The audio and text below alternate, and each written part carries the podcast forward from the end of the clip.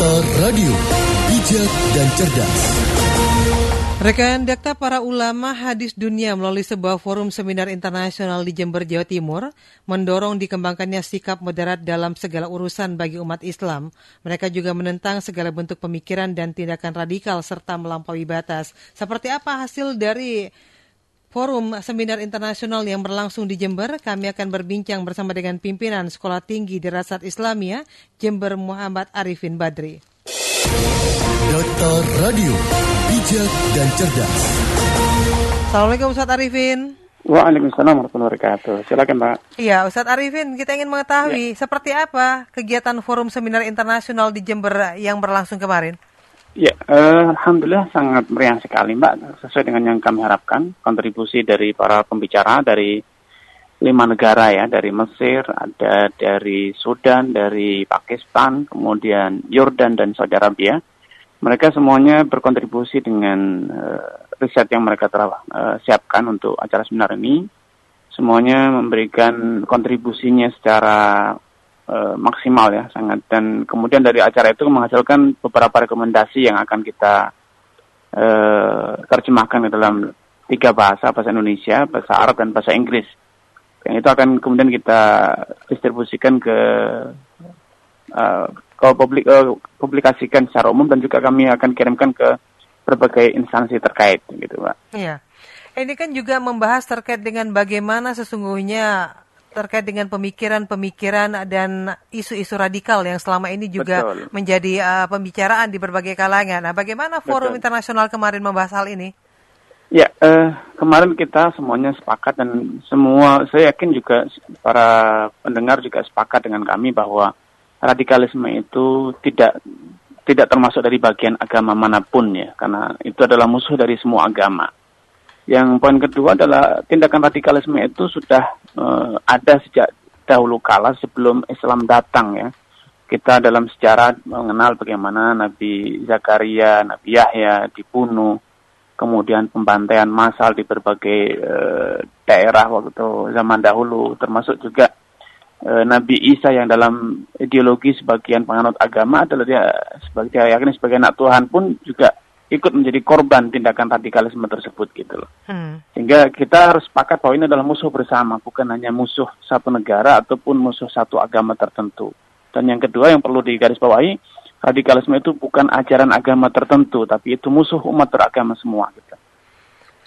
Iya, bagaimana ya. sesungguhnya dalam forum kemarin melihat uh, cara-cara melawan radikalisme menurut mereka, Ustaz? Ya, uh, salah satu yang uh, ditekankan kemarin bahwa radikalisme itu berangkat dari sebuah pemikiran ataupun ideologi.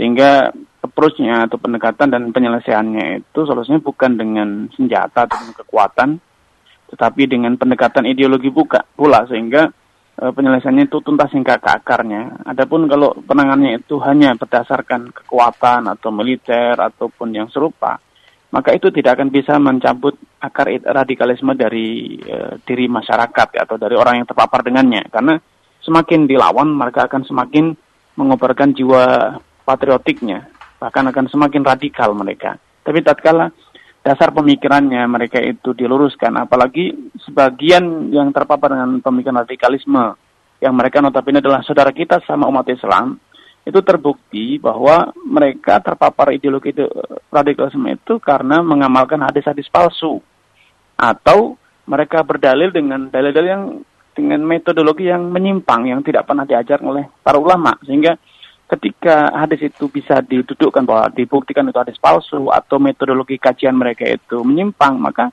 terbukti ya banyak yang kemudian bisa kembali seperti itu. Iya.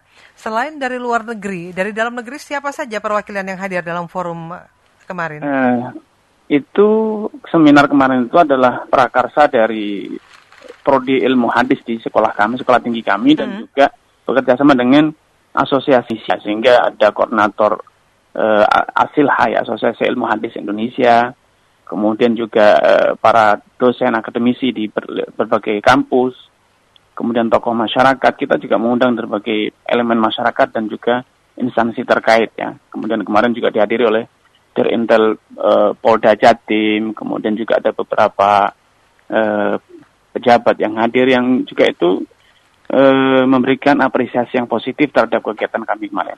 Iya, selain tentang pemikiran dan juga paham radikal, yang hadir adalah uh, ahli-ahli hadis dari beberapa daerah, dari beberapa negara, negara juga. Ustaz, metodologi kajian hadis yang tepat seperti apa sih sesungguhnya yang harus segera disosialisasikan kepada umat ini?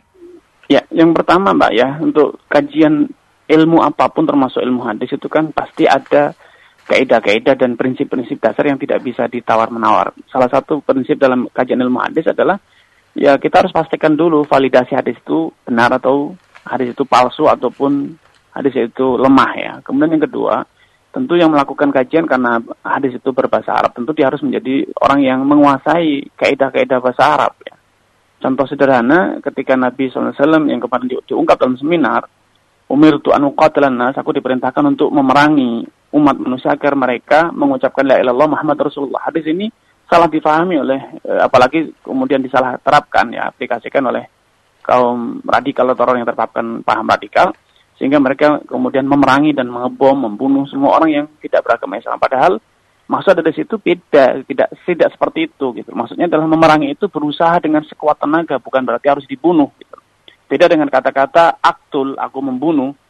Nah, kata-kata ukatil itu artinya adalah berusaha dengan sekuat tenaga untuk melawan segala bentuk kekufuran dan namanya perlawanan tidak harus dengan angkat senjata, bisa dengan kata-kata, bisa dengan data, bisa dengan diskusi. Itu semua adalah bagian dari uh, contoh konkret ya, contoh konkret bagaimana mereka salah memahami gara-gara mereka tidak paham bahasa Arab, tidak memahami metodologi yang benar dalam melakukan kajian hadis gitu. Hmm. Nah, apakah nanti hasil rekomendasi ini juga akhirnya akan menjadi acuan bagi uh, STDI sendiri dan di beberapa tempat lain ya Ustadz?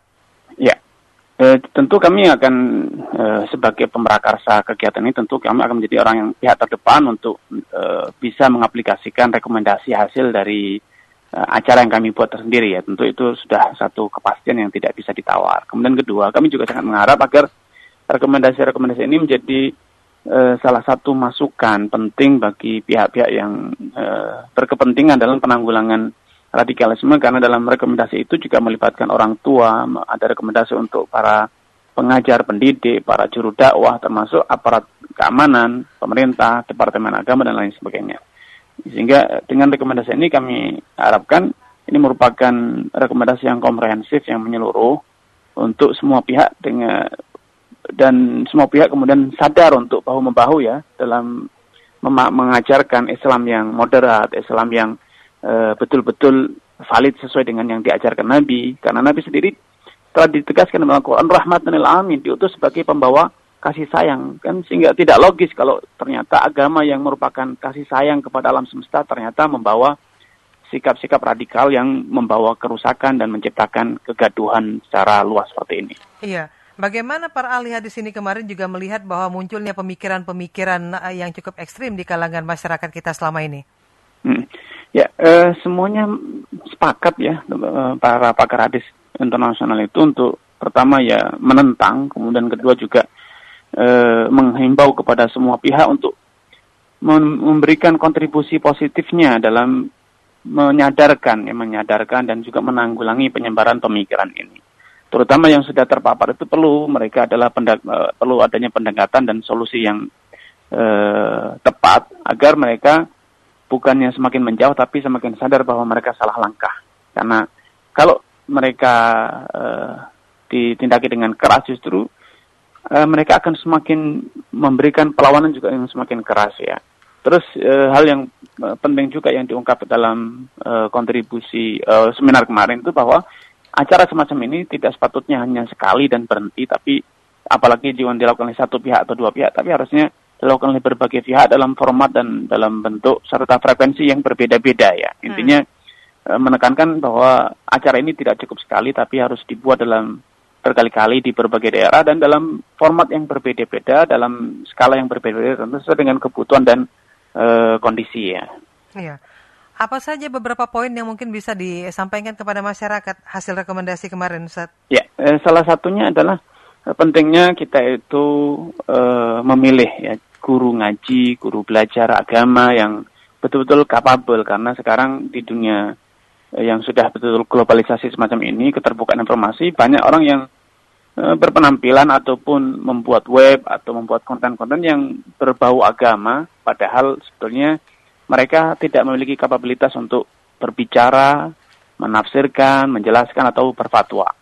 Sehingga kita harus selektif masyarakat agar tidak terjebak dalam uh, ajaran-ajaran orang yang mereka sendiri tidak paham ya, sehingga tidak punya kapabilitas untuk berbicara ataupun mengajar. Kemudian yang kedua, uh, ditekankan pula kemarin bahwa salah satu rekomendasi ini pentingnya peran pemerintah dalam hal ini misalnya Departemen Agama untuk uh, memberikan atau memastikan kurikulum yang diajarkan itu betul-betul kurikulum yang uh, sesuai dengan ajaran Islam, bukan sekedar kurikulum asal kurikulum ya, tapi betul-betul itu kurikulum yang valid sesuai dengan yang diajarkan dalam Islam, dalilnya, dasarnya dan juga pengajarnya juga memang memiliki kapabilitas untuk mengajarkan ilmu agama.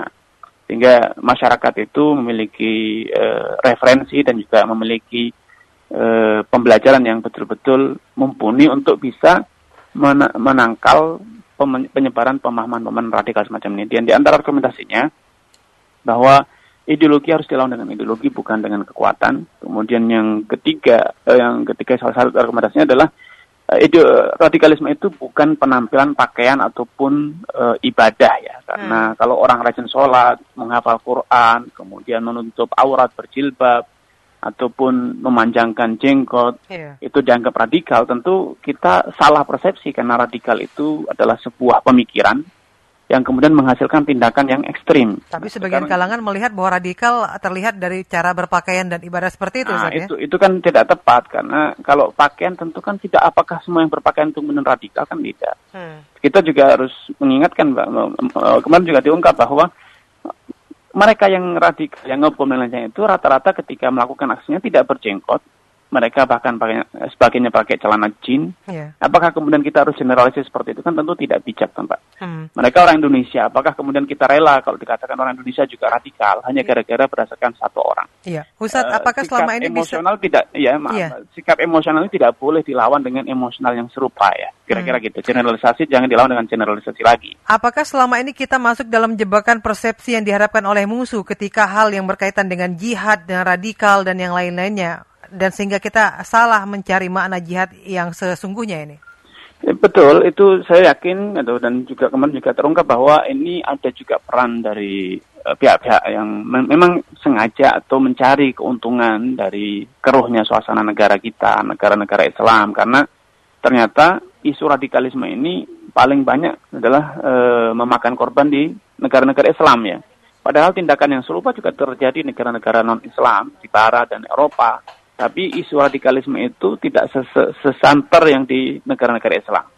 Kemudian yang juga perlu kita cermati bersama bahwa eh, apa pun yang terjadi kalau itu sudah di eh, dikemas dengan atas nama agama tentu itu akan menjadikan orang fobia. Salah satu efeknya fobia dengan orang-orang yang belajar agama yang berjilbab dan ini nampaknya juga eh, ada faktor kesengajaan untuk membesar-besarkan isu bahwa radikalisme itu bersumber dari agama, padahal tidak demikian. Agama semua menentang sikap-sikap e, radikalisme semacam itu. Ya, kira-kira gitu, Mbak. Baik. Ustadz Muhammad Arifin Badri, terima kasih waktunya berbincang bersama Radio Oke, Dakta. Sama-sama. Assalamualaikum warahmatullahi wabarakatuh. Assalamualaikum warahmatullahi wabarakatuh. Dakta Radio, bijak dan cerdas. Pimpinan Sekolah Tinggi di Ratsat Islamia Jember, Dr. Muhammad Arifin Badri MA